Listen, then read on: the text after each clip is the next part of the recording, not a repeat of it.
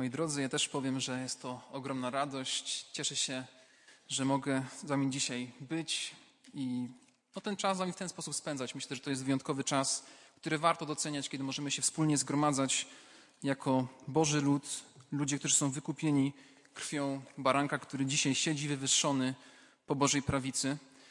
I dlatego dzisiaj kazanie troszkę inaczej będę zaczynał. Mianowicie chciałbym Was zachęcić, żebyśmy przeczytali wpierw, albo na początku, e, Dzieje Apostolskie, pierwszy rozdział, e, wiersze od 6 do 11. Zazwyczaj robię wstęp przed czytaniem, a dzisiaj zrobię odwrotnie. Dzisiaj przeczytamy i potem zrobimy wstęp w drugą stronę. Także zachęcam, Dzieje Apostolskie, pierwszy rozdział i będziemy czytać wiersze od 6 do 11. Gdy oni się tedy zeszli, pytali go, mówiąc: Panie, czy w tym czasie odbudujesz królestwo Izraelowi? Rzekł do nich: Nie wasza to rzecz znać czasy i chwile, które Ojciec w mocy swojej ustanowił. Ale weźmiecie moc Ducha Świętego, kiedy stąpi na was i będziecie mi świadkami w Jerozolimie i w całej Judei i w Samarii i aż po krańce ziemi. I gdy to, gdy to powiedział, a oni patrzyli, został uniesiony w górę i obłok wziął go sprzed ich oczu. I gdy tak patrzyli uważnie, jak on się oddalał ku niebu, oto dwaj mężowie w białych szatach stanęli przy nich i rzekli: Mężowie galilejscy, czemu stoicie, patrząc w niebo? Ten Jezus, który od was został wzięty w górę do nieba, tak przyjdzie, jak go widzieliście idącego do nieba. Panie, dziękujemy Ci teraz za ten czas, jaki nam dałeś. Panie, prowadź nas w zrozumieniu Twojego słowa. Panie, pozwól nam zrozumieć dogłębnie niesamowitą prawdę, jaka jest zawarta w niebo wstąpieniu Twojego Syna Jezusa Chrystusa. Panie, bądź uwielbiony teraz przez to zwiastowanie. Prosimy Cię o to w imieniu Jezusa Chrystusa. Amen. Ciężko byłoby nie zauważyć już o czym będzie dzisiejsze kazanie. Na początku nabożeństwa już pastor Sommer zwrócił uwagę, że zbliża się nadchodzący czwartek, jedno z takich świąt w kalendarzu kościelnym, jakie jest nazywane Dniem w Niebo Pańskiego. Czyli jest to szczególny dzień, kiedy wspominamy szczególne wydarzenie w życiu Jezusa, jakim jest Jego w niebo wstąpienie. Jest to dzień, kiedy Jezus z ziemi się unosi, wstępuje na Bożą prawicę i obejmuje swoją władzę jako król, swoją sprawczość jako kapłan i jako sprawiedliwy sędzia, który sprawiedliwie sądzi nad narodami. I można powiedzieć, że współcześnie jest to całkiem zapomniana doktryna, albo jest to całkiem zapomniane wydarzenie z życia Jezusa. Jest to całkiem zapomniany aspekt ziemskiej służby Jezusa, bo tak naturalnie to nie jest jedna z pierwszych rzeczy, które przychodzą nam na myśl, kiedy myślimy o Jezusie. Raczej, kiedy myślimy o Jezusie, to na myśl przychodzi nam o wiele więcej aspektów Jego życia. Na przykład Jego cudowne narodziny, kiedy Bóg wstępuje z niebios, żeby stać się człowiekiem. To jest niesamowite i nawet mamy z tego powodu święto. W grudniu obchodzimy Boże Narodzenie. Następnie często się zwraca uwagę na życie Jezusa, prawda?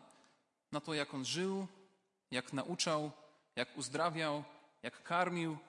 I skupiamy się na tym, co Jezus robił, będąc na ziemi. I jest na to poświęconych całe cztery Ewangelie, więc można dogłębnie zobaczyć, co Jezus robił, czym się zajmował, jaki był, co nauczał. I to też jest niesamowite. I Ewangelie prowadzą nas ostatecznie, często większą częścią Ewangelii, zajmuje opis męczeńskiej śmierci albo to, co prowadzi do męczeńskiej śmierci Chrystusa na krzyżu, gdzie On ponosi karę za ludzkie grzechy, umiera, jest pogrzebany. I potem jest ten czwarty aspekt, który jest chyba dla chrześcijan niezwykle ważny, jakim jest zmartwychwstanie. Trzy dni później Chrystus zmartwychwstał. Teraz ostatnio y, to bracia chrześcijanie z obrządku wschodniego często też obchodzą teraz, w ostatnim czasie, e, święto Wielkiej Nocy troszkę inaczej niż my. Także jest zmartwychwstanie i jest też obchodzone świętem, jakim jest Wielkanoc. I często na tym się kończy. Kiedy myślimy o życiu Jezusa na ziemi, to często na tym to się kończy. Narodziny Jezusa, Jego życie, Jego śmierć i Jego zmartwychwstanie. I myślę, że każdy wierzący człowiek może te elementy wymienić. A jednak w niebo wstąpienie, jedno z najważniejszych praw dotyczących życia Jezusa, jedno z najważniejszych wydarzeń w Jego życiu, jedno z najważniejszych wydarzeń znaczeniowo dla Kościoła, gdzieś tym wszystkim umyka, gdzieś to nam zniknęło. I dlaczego jest to jedno z najważniejszych wydarzeń w życiu Jezusa? Dlaczego? Dlaczego to jest jedno z najważniejszych wydarzeń w życiu Jezusa?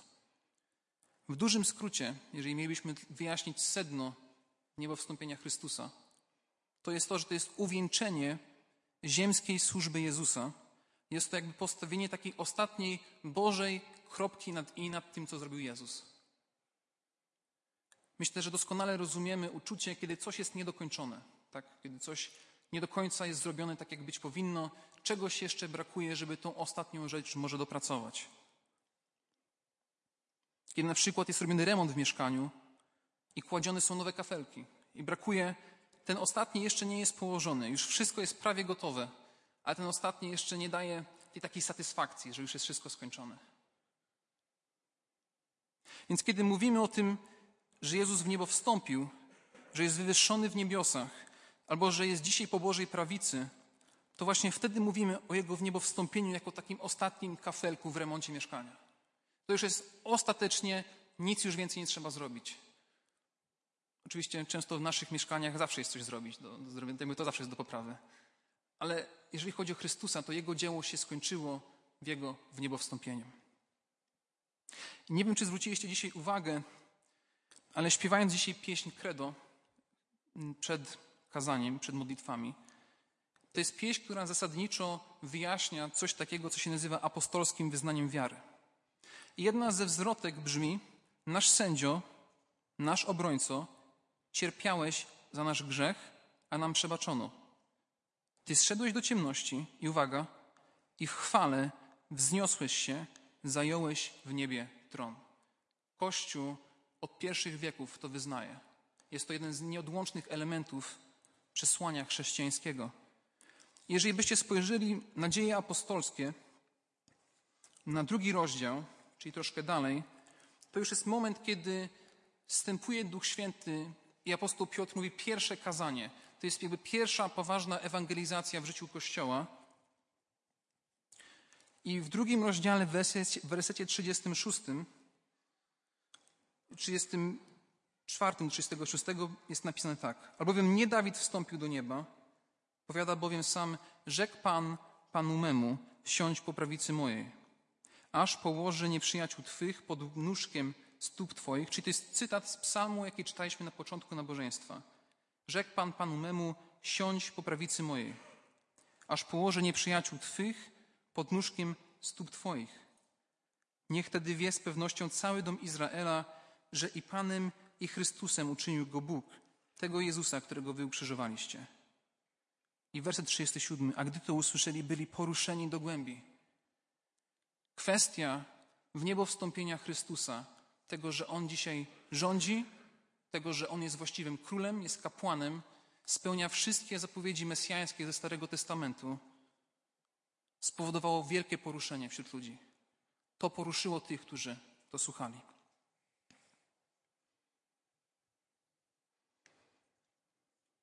Więc będziemy się teraz temu w niebo wstąpieniu, tego, że Jezus siedzi po Bożej prawicy, będziemy się przyglądali w takim praktycznym aspekcie, co to znaczy. Bo wiemy, że to nastąpiło, ale jakie jest tego faktyczne znaczenie dla nas, dla Kościoła i też co to oznacza, jeżeli chodzi o Jezusa. Jeżeli mam być szczerzy, to w porównaniu z innymi aspektami życia Jezusa, to w niebo wstąpienie nie jest tak szeroko opisane. Nie ma tak bardzo dogłębnego opisu jak śmierć Jezusa. Nie ma też takich bardzo długich opisów, jeżeli chodzi o jego zmartwychwstanie. Ale do tego wydarzenia odnoszą się zarówno pisarze Nowego Testamentu, nawet Jezus też je zapowiadał. Ale głównymi dwoma tekstami, które te wydarzenie zapowiadają, to jest właśnie końcówka Ewangelii Łukasza i początek dziejów apostolskich. Łukasz, jako autor obu tych dwóch ksiąg, zamieszcza skróconą wersję wydarzeń Ewangelii Łukasza i w, po tym, jak Jezus w niebo wstępuje, uczniowie radośnie wracają do Jerozolimy i głoszą. I prawdopodobnie jako zakończenie swojego takiego pierwszego tomu, jaki Łukasz kieruje do Teofila, jakby tym wydarzeniem kończy się służba Jezusa. Jezus w niebo wstępuje, jego służba na ziemi się kończy. W dziejach apostolskich natomiast Łukasz chce zwrócić uwagę na coś innego. Coś się zaczyna. Jest jakiś początek, jakieś wydarzenie, które w jakiś sposób wpływa na dalszą część historii. Więc pierwszym punktem znaczenia nie zmartwychwstania, ale w niebo wstąpienia praktycznego, to jest jakby początek misji Kościoła. Zwróćcie uwagę na werset, szósty pierwszego rozdziału dziejów apostolskich. Gdy oni się zeszli, pytali go, mówiąc: Panie, czy w tym czasie odbudujesz królestwo Izraelowi? Pytali go, Panie, czy w tym czasie odbudujesz królestwo Izraelowi? Ten fragment zaczyna się od tego, że uczniowie po zmartwychwstaniu Chrystusa się zgromadzają i pytają Jezusa właśnie o tą kropkę nad i. Czy teraz już jest czas, kiedy Jezus zbuduje swoje królestwo? Czy to już jest ten moment, kiedy wypełni zapowiedzi mesjańskie ze Starego Testamentu? Oni już rozpoznają w Jezusie tego, kim On jest, widzieli Jego śmierć, widzieli Jego zmartwychwstanie i teraz oczekują tego momentu, kiedy Jezus zakłada swoje królestwo. I myślę, że to jest naturalne, że takie pytania zadają. Oni już tyle widzieli i już jakby nie mogą więcej czekać. Jakby już chcą, żeby to teraz nastąpiło. Już widzą, że to się wypełniło i chcą, żeby już się zakończyło. Wielu uczniów przed śmiercią Jezusa było przestraszonych, było zasmuconych. Jak dobrze wiemy w Ewangelii, tylko Piotr pozostał przy Jezusie aż do jego aresztowania i do jego skazania. Wszyscy inni uciekli w strachu. Więc kiedy Jezus ukazuje im się po zmartwychwstaniu, to pierwsze słowa, jakie do nich kieruje, to są pokój wam. Pierwsze słowa, jakie Jezus kieruje do uczniów po tym, jak im się ukazuje, kiedy też są zgromadzeni, to jest pokój wam. Jezus jest między nimi, okazuje im pokój. Jezus dokładnie wiedział, co oni w tym czasie przeżywali i co powinni byli usłyszeć. Teraz sytuacja wygląda inaczej. Jezus jest już z nimi, przebywa z nimi przez jakiś czas, nie wiemy jaki.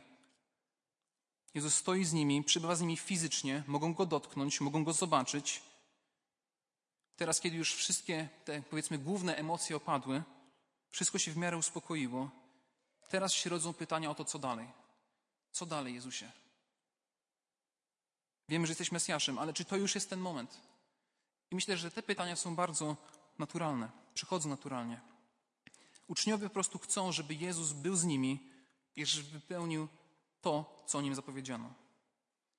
Ale zauważcie, jak odpowiada Jezus, werset siódmy. Rzekł do nich, nie wasza to rzecz znać czasy i chwile, które Ojciec w mocy swojej ustanowił. Nie wasza to rzecz znać czasy i chwile, które Ojciec w mocy swojej ustanowił. Jezus im zasadniczo mówi, to nie jest tak, że królestwa nie zakładam, to też nie jest tak, że to królestwo zakładam. To nie jest obecnie wasza sprawa. Do was będzie należało coś innego. Nie macie się teraz nad tym zastanawiać. Pamiętajcie, ojciec ma swój czas na wszystko. Ojciec ma na wszystko czas. Jest teraz coś innego, nad czym powinniście się skupić. I te następne słowa Jezusa zasadniczo są taką iskrą zapalną tego, co potem zmieniło ówczesny świat i dalej zmienia obecny tam gdzie jest głoszona dobra nowina. Jezus mówi, ale weźmiecie moc Ducha Świętego, który stąpi na was i będziecie mi świadkami w Jerozolimie i w całej Judei i w Samarii i aż po krańce ziemi. Jezus zapowiada to, co Kościół będzie czynił na ziemi. Będzie głoszona dobra nowina. Jezus mówi, że teraz będzie czas, kiedy Kościół się będzie rozwijał i kiedy wszyscy ludzie w każdych krańcach ziemi będą tą dobrą nowinę pozyskiwali. I taką ciekawostką jest to, że jeżeli byśmy spojrzeli na to, jak dzieje apostolskie są uporządkowane, to byśmy zobaczyli, że dokładnie tak jak Jezus to zapowiada, dokładnie w ten sam sposób to się wypełnia. Uczniowie najpierw zgromadzali się w Jerozolimie, potem znoszą Ewangelię do Judei, do Samarii i aż po wszystkie krańce ziemi, do wszystkich państw pogańskich apostowie trafiają. I to widać taki progres, dokładnie tak jak Jezus to zapowiada, to się wypełnia. Dzisiaj też Ewangelia jest zanoszona na krańce ziemi. Ale jest zanoszona na krańce ziemi z tego powodu, że Jezus w niebo wstępuje. Jest zanoszona na krańce ziemi z tego powodu, że Jezus w niebo wstępuje. Wyobra Teraz Jezusa nie ma fizycznie na ziemi. Ale wyobraźcie sobie, co by było, gdyby Jezus był. Co by było, gdyby Jezus fizycznie pozostał na ziemi? Że nauczałby tak, jak nauczał, uzdrawiałby tak, jak uzdrawiał. Wątpliwe jest to, że chrześcijanie chcieliby pozostać w swoich kościołach, słuchając swoich pastorów, biorąc pod uwagę, że byłby dostępny najlepszy duszpasterz, najlepszy kaznodzieja, takiego, który nauczy z autorytetem, taki, którego ludzie chcą słuchać, taki, który zna ich uczucia, zna ich pragnienia, zna ich obawy, lęki, smutki, a nie tam jakiś tam pastor gdzieś tam. Nie, nie, to jakby był Jezus na miejscu, to jestem przekonany, że wielu chrześcijan specjalnie by się zjeżdżało tylko po to, żeby stać, słuchać i ujrzeć tego, który jest ich Zbawicielem. To po prostu byłaby duża konkurencja, ponieważ ludzie po prostu pragnęliby być ze swoim mistrzem. I to jest też jak najbardziej naturalne. Dzisiaj też pragniemy być z Jezusem. Dzisiaj też pragniemy być z Jezusem. I to właśnie z tego powodu Jezus mówi swoim uczniom, że to teraz oni zaniosą dobrą nowinę na cały świat. To jest, można powiedzieć, taki prawie początek Kościoła, gdzie często przypisuje się początek Kościoła stąpieniu Ducha Świętego, ale właśnie zesłanie Ducha Świętego jest wynikiem w niebo wstąpienia Jezusa. Równocześnie, jeżeli Jezus jest dalej na ziemi, to Kościół nie wypełnia swojego misyjnego poselstwa. Oznacza to, że jednym z głównych celów w niebo wstąpienia Jezusa jest przekazanie Kościołowi zadania noszenia dobrej nowiny. W liście do Koryntian czytamy, że teraz w miejsce Chrystusa poselstwo sprawujemy. Jezusa tutaj nie ma, ale jesteśmy my. Więc teraz my nosimy Ewangelię na krańce ziemi. Dzisiaj Twoim i moim zadaniem jest nieść dobrą nowinę o Jezusie w każdy zakątek świata. I to się ciągle dzieje. Tam, gdzie jest Ewangelia zwiastowana, tam serca są przemieniane, tam ludzie się nawracają i każdego dnia setki, a może tysiące ludzi rozpoznaje Chrystusa jako swojego Pana i swojego Zbawiciela. Często w Polsce tego nie widzimy. Mamy mały świat taki ewangelikalny i często mamy taki kompleks, że jest nas mało i zawsze nas będzie mało. Ale nie widzimy tego, co się dzieje w innych częściach świata, gdzie prawdopodobnie w innych częściach świata ludzie się szybciej, albo jest ich więcej, którzy się nawracają i po prostu my o tym nie wiemy. Dlaczego? Ponieważ Słowo Boże jest żywe, ono działa, przemienia ludzkie serca. I modlę się o czas, kiedy w Polsce będzie podobnie. Naprawdę się o to modlę, kiedy będzie w Polsce podobnie. Być może ktoś teraz słucha tego kazania i ma takie pragnienie, żeby gdzieś wyjechać, żeby służyć gdzieś na misji za granicą. I to jest doskonałe pragnienie. Jeżeli masz takie pragnienie, coś ci w sercu podpowiada, masz też przeświadczenie, że możesz to czynić i Bóg do ciebie, ciebie do tego wyposaża, to też nie gaś tego pragnienia. Porozmawiaj z kimś na ten temat i spróbuj to zrealizować, żeby to poselstwo było niesione dalej. Warto się o to poważnie modlić i podejmować kroki w tym zakresie. Ciekawe jest też to, że uczniowie stoją i patrzą się w niebo. Nie wiem, czy mieliście taką okazję kiedyś w życiu stać i się po prostu patrzeć w niebo. Prawdopodobnie to może patrzeć, jakie są chmury, jakie są kształty. A tutaj uczniowie po prostu patrzą, bo ich mistrz ucieka. Jakby znika z nimi z oczu bezpośrednio. I jeszcze w tym momencie prawdopodobnie nie do końca rozumieją, co się wydarzy. Jezus mówi, że teraz zaniosą Ewangelię na krańce świata, ale Duch Święty jeszcze nie stąpił. Więc są w takim momencie, takiego nie do końca wiedzą, co się stanie. Po prostu patrzą i teraz mają coś z tym zrobić nie widzą jeszcze tego błogosławieństwa, który płynie z odejścia Chrystusa do swojego Ojca. I myślę, że to jest też bardzo praktyczne zastosowanie. Czasami też, jest, też jest tak w życiu, że odchodzą od nas różni ludzie. Mają swoje własne cele, pragnienia i początkowo odejście jest trudne, jest ciężkie. Jeśli ktoś miał na nas duży wpływ, dużo w nas zainwestował, to ciężko czasami sobie wyobrazić życie dalsze bez takiej osoby. Bardzo łatwo nam jest się chyba w tej sytuacji utożsamić z uczniami, że jak jest dobrze, to chcemy, żeby dalej było dobrze. Nie chcemy nic zmieniać. Nie chcemy nic zmieniać, bo jest dobrze i skoro jest dobrze, to zawsze będzie dobrze. Nie chcemy żadnych zmian. I wiecie, Jezus spędził z uczniami trzy lata. Trzy lata z nimi chodził, rozmawiał, nauczał, spędzał czas, nazywał przyjaciółmi. Natomiast czasami są potrzebne zmiany, żeby mogło coś innego się pojawić. Być może coś lepszego, o czym jeszcze nie wiemy, jakieś ukryte błogosławieństwo. I tak to właśnie było z uczniami. To właśnie teraz na nich ma przyjść odpowiedzialność za to, co będzie się działo w kontekście dobrej nowiny na ziemi. Po tej sytuacji pojawia się dwóch mężów, aniołów, którzy mówią: Słuchajcie, widzicie tego Jezusa, który odchodzi. Tak jak widzicie, że odchodzi, tak też Jezus wróci. Bezpośrednio powiedzieli: Ten, który od was został wzięty w górę do nieba, tak przyjdzie, jak go widzieliście idącego do nieba. Więc tak jak Jezus odchodzi, tak też wróci. Jezus nie zapowiada swojego pójścia bez powrotu. W pierwszym liście do Tesaloniczan jest napisane, gdyż sam Pan na dany rozkaz na głos Archanioła i trąby Bożej stąpi z nieba. Wtedy najpierw powstaną ci, którzy umarli w Chrystusie i potem jest tam dalszy fragment taki przyszłościowy. Ale jednym z elementów, o których już często nawet na kazaniach w kontekście Księgi Objawienia, objawienia jest mowa, jest to, że Jezus wróci. On wróci w sposób widzialny. Tak jak w widzialny sposób odszedł, tak też w widzialny sposób powróci. I jest to wspominane kilka razy w Nowym Testamencie i jest coś, czym Kościół ma się pocieszać jest to coś, czym Kościół żyje. Jest to coś, na co chrześcijanie czekają, ale czekają, bo wszedł tam na niebiosa i teraz siedzi po Bożej prawicy i oczekuje dopełnienia czasów. Kiedy dopełnią się czasy, wróci Chrystus, a my będziemy razem z Nim zabrani na wieczność. I teraz tak, jest odszedł, ale nie zostawił nas samych. Nie zostawił nas samych. W wersecie ósmym naszego fragmentu jest napisane, ale weźmiecie moc Ducha Świętego, kiedy stąpi na was i będziecie mi świadkami w Jerozolimie i w całej Judei i Samarii aż po krańce ziemi. Przed swoim odejściem Jezus zapowiadał zesłanie Ducha Świętego.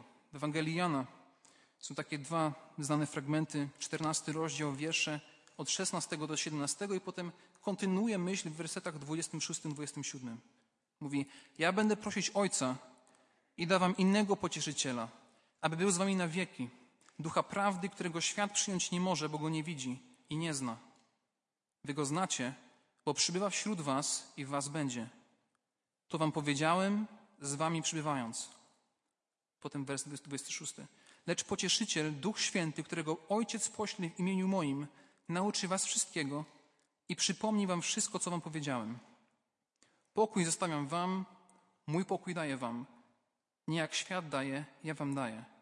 Niech się nie trwoży serce wasze i niech się nie lęka. Niech się nie trwoży serce wasze i niech się nie lęka. Stąd można powiedzieć, że we wniebowstąpieniu działa cała Trójca. Uwielbiony Syn wstępuje na niebiosa, a Ojciec posyła wierzącym na ziemi pocieszyciela, dawcę pokoju, przewyższającego wszelki pokój, Ducha Świętego, który jest dzisiaj z każdym wierzącym. Dzisiaj jest z każdym wierzącym. Jeżeli są fani piłki nożnej na sali, w kaplicy, to ten aspekt Ducha Świętego kojarzy mi się z taką jedną pieśnią, czy też hasłem zespołu piłkarskiego Liverpool, który brzmi You will never walk alone, co po polsku oznacza nigdy nie będziesz sam. Drogi bracie, droga siostro, nigdy nie jesteś sam, jeżeli jesteś w Chrystusie. Nigdy nie jesteś sam. I to jest realna obietnica dla każdego wierzącego. Nie jesteś sam, bo z Tobą zawsze jest Bóg. Zawsze z Tobą jest Bóg, w osobie Ducha Świętego. I tak baptyści wierzą w Ducha Świętego. Być może nie jest on omawiany tak często, jak powinien, ale wierzymy w Ducha Świętego, o czym też dzisiaj śpiewaliśmy. On spełnia kilka funkcji. Jest Bożą mocą w głoszeniu Ewangelii. To właśnie Duch Święty przekonuje o prawdzie tych, którzy słuchają Ewangelii. To nie elokwencja Piotra, to nie jakaś szczególna mowa apostoła Pawła, ani żadnego z innych z uczniów zdobyła serca tych, którzy słuchali. To było działanie Ducha Świętego, który przez nich działał. Więc kiedy dzielimy się Ewangelią, to nie polegamy na własnych siłach. Nasze argumenty często mogą być jakieś nieudolne. Nasz sposób wymowy może być śmieszny. Ale mamy kogoś, kto jest naszą mocą, który nas wspiera i będzie z nami od dzisiaj aż po końcu wieki. Duch Święty działa, przekonuje. I dzisiaj mieliśmy spotkanie właśnie osób przygotowujących się do chrztu. I naprawdę czasami wystarczy kilka słów. Naprawdę wystarczy czasami kilka słów, które zadziałają lepiej niż najlepszy argument teologiczny. To jest naprawdę niesamowite, jak się posłucha naszych świadectw. To jestem przekonany, że w wielu przypadkach sami tego doświadczyliśmy. Po trzecie, Jezus odszedł, żeby zapewnić nam mieszkanie. Odejście Jezusa wiąże się z jeszcze jednym ważnym aspektem, jakim jest zapewnienie nam właściwego miejsca. To się znowu pojawia w Ewangelii Jana w 14 rozdziale od wiersza pierwszego do szóstego. Jest napisane tak znowu. Niechaj się nie trwoży serce wasze. Zwróćcie uwagę, że za każdym razem, kiedy jest mowa o tym, że Jezus odchodzi, to za każdym razem Jezus ich pociesza. Nie bójcie się. Nie bójcie się, ja wrócę. Nie bójcie się, przychodzi Duch Święty. Nie bójcie się, idę wam przygotować miejsce. Wierzcie w Boga i we mnie wierzcie. W domu Ojca mego wiele jest mieszkań. Gdyby było inaczej, byłbym wam powiedział, idę przygotować wam miejsce. A jeśli pójdę i przygotuję wam miejsce, przyjdę znowu i wezmę was do siebie, abyście gdzie ja jestem i wy byli. I dokąd ja idę, wiecie i drogę znacie. Rzekł do niego Tomasz, Panie, nie wiemy dokąd idziesz. Jakże możemy znać drogę? Odpowiedział mu Jezus, ja jestem droga i prawda i życie i nikt nie przychodzi do Ojca, jak tylko przeze mnie. Także jeżeli ktoś zaufał prawdziwie Chrystusowi, uznał Go swojego Pana, swojego Zbawiciela, jest przekonany, że Jezus umarł, w pełni zapłacił za jego grzechy i że zmartwychwstał, to dzisiaj ma zapewniony adres w niebie. Dzisiaj ma swój dom, swoje mieszkanie, które dzisiaj jeszcze jest gdzieś tam wykańczane, aż my tam w końcu zamieszkamy. Oczywiście to jest pewien obraz, nie wiemy dokładnie, jak to będzie wyglądało. Na temat nieba Jezus mówi bardzo niewiele, Nowy Testament mówi bardzo niewiele, a tylko z tego powodu, że nie mamy się specjalnie nad tym zastanawiać, bo to i tak przekroczy nasze wszelkie możliwości pojmowania. To i tak przekroczy wszelkie możliwości pojmowania, jak to będzie wspaniałe. Ale jedno jest pewne: te miejsca już są tam gotowe. Nie ma znaczenia, kim jesteś, co zrobiłeś. Jeżeli jesteś pojednany z Bogiem przez Jezusa Chrystusa, to masz tam miejsce. Ja jestem droga i prawda i życie i nikt nie przychodzi do Ojca tylko przeze mnie. W żaden inny sposób nie przyjdziesz do Boga dzisiaj. Jeżeli chcesz przyjść do Ojca, to możesz przyjść do Ojca tylko przez tego, który dzisiaj stoi przed Ojcem. A ten, który stoi przed Ojcem, jest Jezus Chrystus, który wstąpił do niebiosa. To jak przychodzisz do Niego, to Jezus mówi: Tak, ta osoba do mnie należy, Ojcze, wpuszczaj go do domu. Proste. Jeżeli nie należysz do Niego, Jezus Ciebie nie rozpozna i nie wejdziesz do domu Ojca. Ale jeżeli jesteś dzieckiem Bożym, to może być pewny tego, że Twoje miejsce tam się znajduje. Równocześnie, to jest czwarty punkt. Jezus, będąc po Bożej prawicy, jest lepszym królem. Dzisiaj czytaliśmy Psalm 110 i tam są wymienione trzy aspekty Bożego Mesjasza. Jego, że on jest królem, że on jest arcykapłanem i że on jest sędzią. Więc kiedy Jezus jest przy Bożym tronie, to jednym z aspektów jego bycia przy Bożym tronie jest to, że on jest lepszym królem, on jest sędzią, który sprawiedliwie sądzi nad narodami. W pierwszym mieście Piotra 3,22 czytamy, który wstąpił na niebiosa i siedzi na prawicy Bożej, a podani mu są aniołowie zwierzchności i moce. Potem, kiedy mamy obraz w objawieniu, kiedy jest sala tronowa przedstawiona, to przed synem w postaci baranka i przed Bogiem, który siedzi na tronie, padają anioły, padają starcy, pada wszystkie stworzenie, które dają mu wszelką cześć, chwałę i uwielbienie, bo tylko Jemu jest ona należna. Tylko Jemu się należy wszelka chwała i cześć. I chciałbym, żebyście otworzyli list do Efezjan, czwarty rozdział, wiersze od 7 do 13. Myślę, że to jest jeden z najwspanialszych obrazów najlepszego władcy na świecie. Czwarty rozdział listu do Efezjan od wiersza 7 do 13. Jest napisane, a każdemu z was została dana łaska według miary daru Chrystusowego. Dlatego powiedziano, wstąpiwszy na wysokość, powiódł ze sobą jeńców i ludzi darami obdarzył. A to, że wstąpił, cóż innego oznacza, aniżeli to, że wpierw wstąpił do podziemi. Ten, który wstąpił, to ten sam, co i wstąpił wysoko ponad wszystkie niebiosa, aby napełnić wszystko. I on ustanowił jednych apostołami, drugich prorokami, innych ewangelistami, a innych pasterzami i nauczycielami. Czy Jezus nie zostawia nas tylko z Duchem Świętym, tylko, aż z Duchem Świętym, ale jeszcze nas wyposaża. Wykupił nas swoją świętą krwią i teraz nas jeszcze obdarowuje wszelkim duchowym błogosławieństwem. On nas obdarowuje wszelką łaską, każdym niesamowitym dniem, którego doświadczamy. Łaska za łaską otrzymujemy od naszego króla. I tu jest takie przeciwieństwo w tym obrazie, który jest przedstawiony w wersecie ósmym, bo zazwyczaj jak jakiś król kogoś podbija, to jeszcze chce jakiegoś haraczu, chce jakichś pieniędzy od tych narodów, które podbiły. Ale tutaj Jezus zdobywa ludzkie serca, zdobywa ludzkie dusze i zamiast zabierać od nich coś, to jeszcze im daje. To jest chyba najlepszy polityk, taki najsprawiedliwszy z polityk na, świecie, który faktycznie sam się poświęca i jeszcze wszystko od siebie daje. No nie ma dzisiaj takich altruistów i nie ma co nawet takich wierzyć, że tutaj na ziemi tacy są. Ale ma takiego, kto się faktycznie poświęcił za nas i to robił wyłącznie dla nas i dla swojej chwały. Powiódł sobą jeńców i ludzi darami obdarzył. Wszelkie przyjawy Bożej łaski, Bożej dobroci dzisiaj, które otrzymujemy, są wynikiem w niebo wstąpienia. Sam się poświęcił, nas ubogaca, łaska za łaska, dzień za dniem. I ostatnim punktem, też takim w miarę krótkim, jest to, że Jezus jest lepszym kapłanem. To będzie ostatni punkt tego kazania. Jezus jest lepszym kapłanem. Otwórzcie, proszę, list do Hebrajczyków, ósmy rozdział.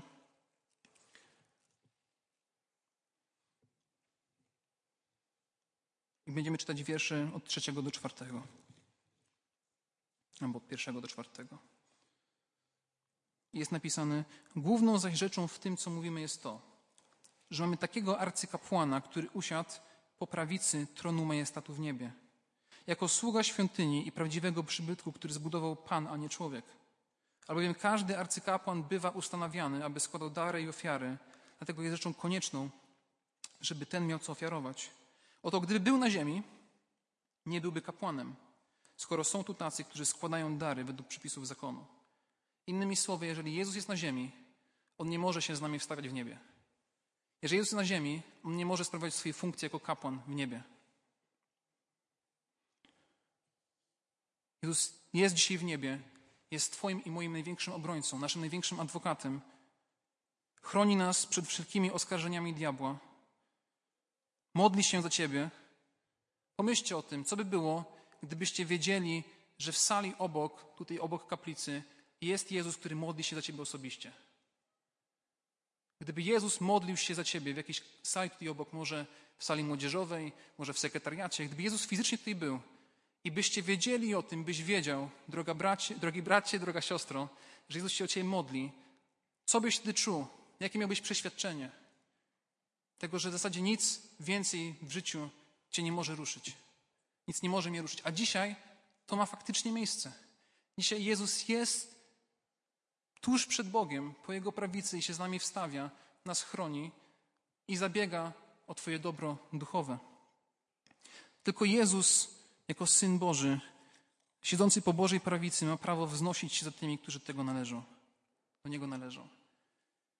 I myślę, że to jest niezwykle ważne, żeby w tej sytuacji zaznaczyć pewną różnicę. Żyjemy w takim państwie, gdzie jeszcze jest takie przeświadczenie o kulcie świętych. I ostatnio trafiłem na taką w internecie taką kwestię, że ktoś powiedział, że dzisiaj jest dzień jakiegoś świętego, jakiegoś patrona, więc módlcie się do niego, niech się za nim wstawia i powiedzcie, jakie są świadectwa. Jak ja to na to spojrzałem się zacząłem zastanawiać w kontekście tego kazania, mówię, no, no nie. Żaden święty nie jest po Bożej prawicy, tam gdzie się znajduje Chrystus. Żaden święty nie przeżył tak doskonałym życiem, jakim przeżył, przeżył Jezus. Żaden święty nie wstąpił jak Chrystus na niebiosa, nie, nie, nie dostąpił w niebo wstąpienia.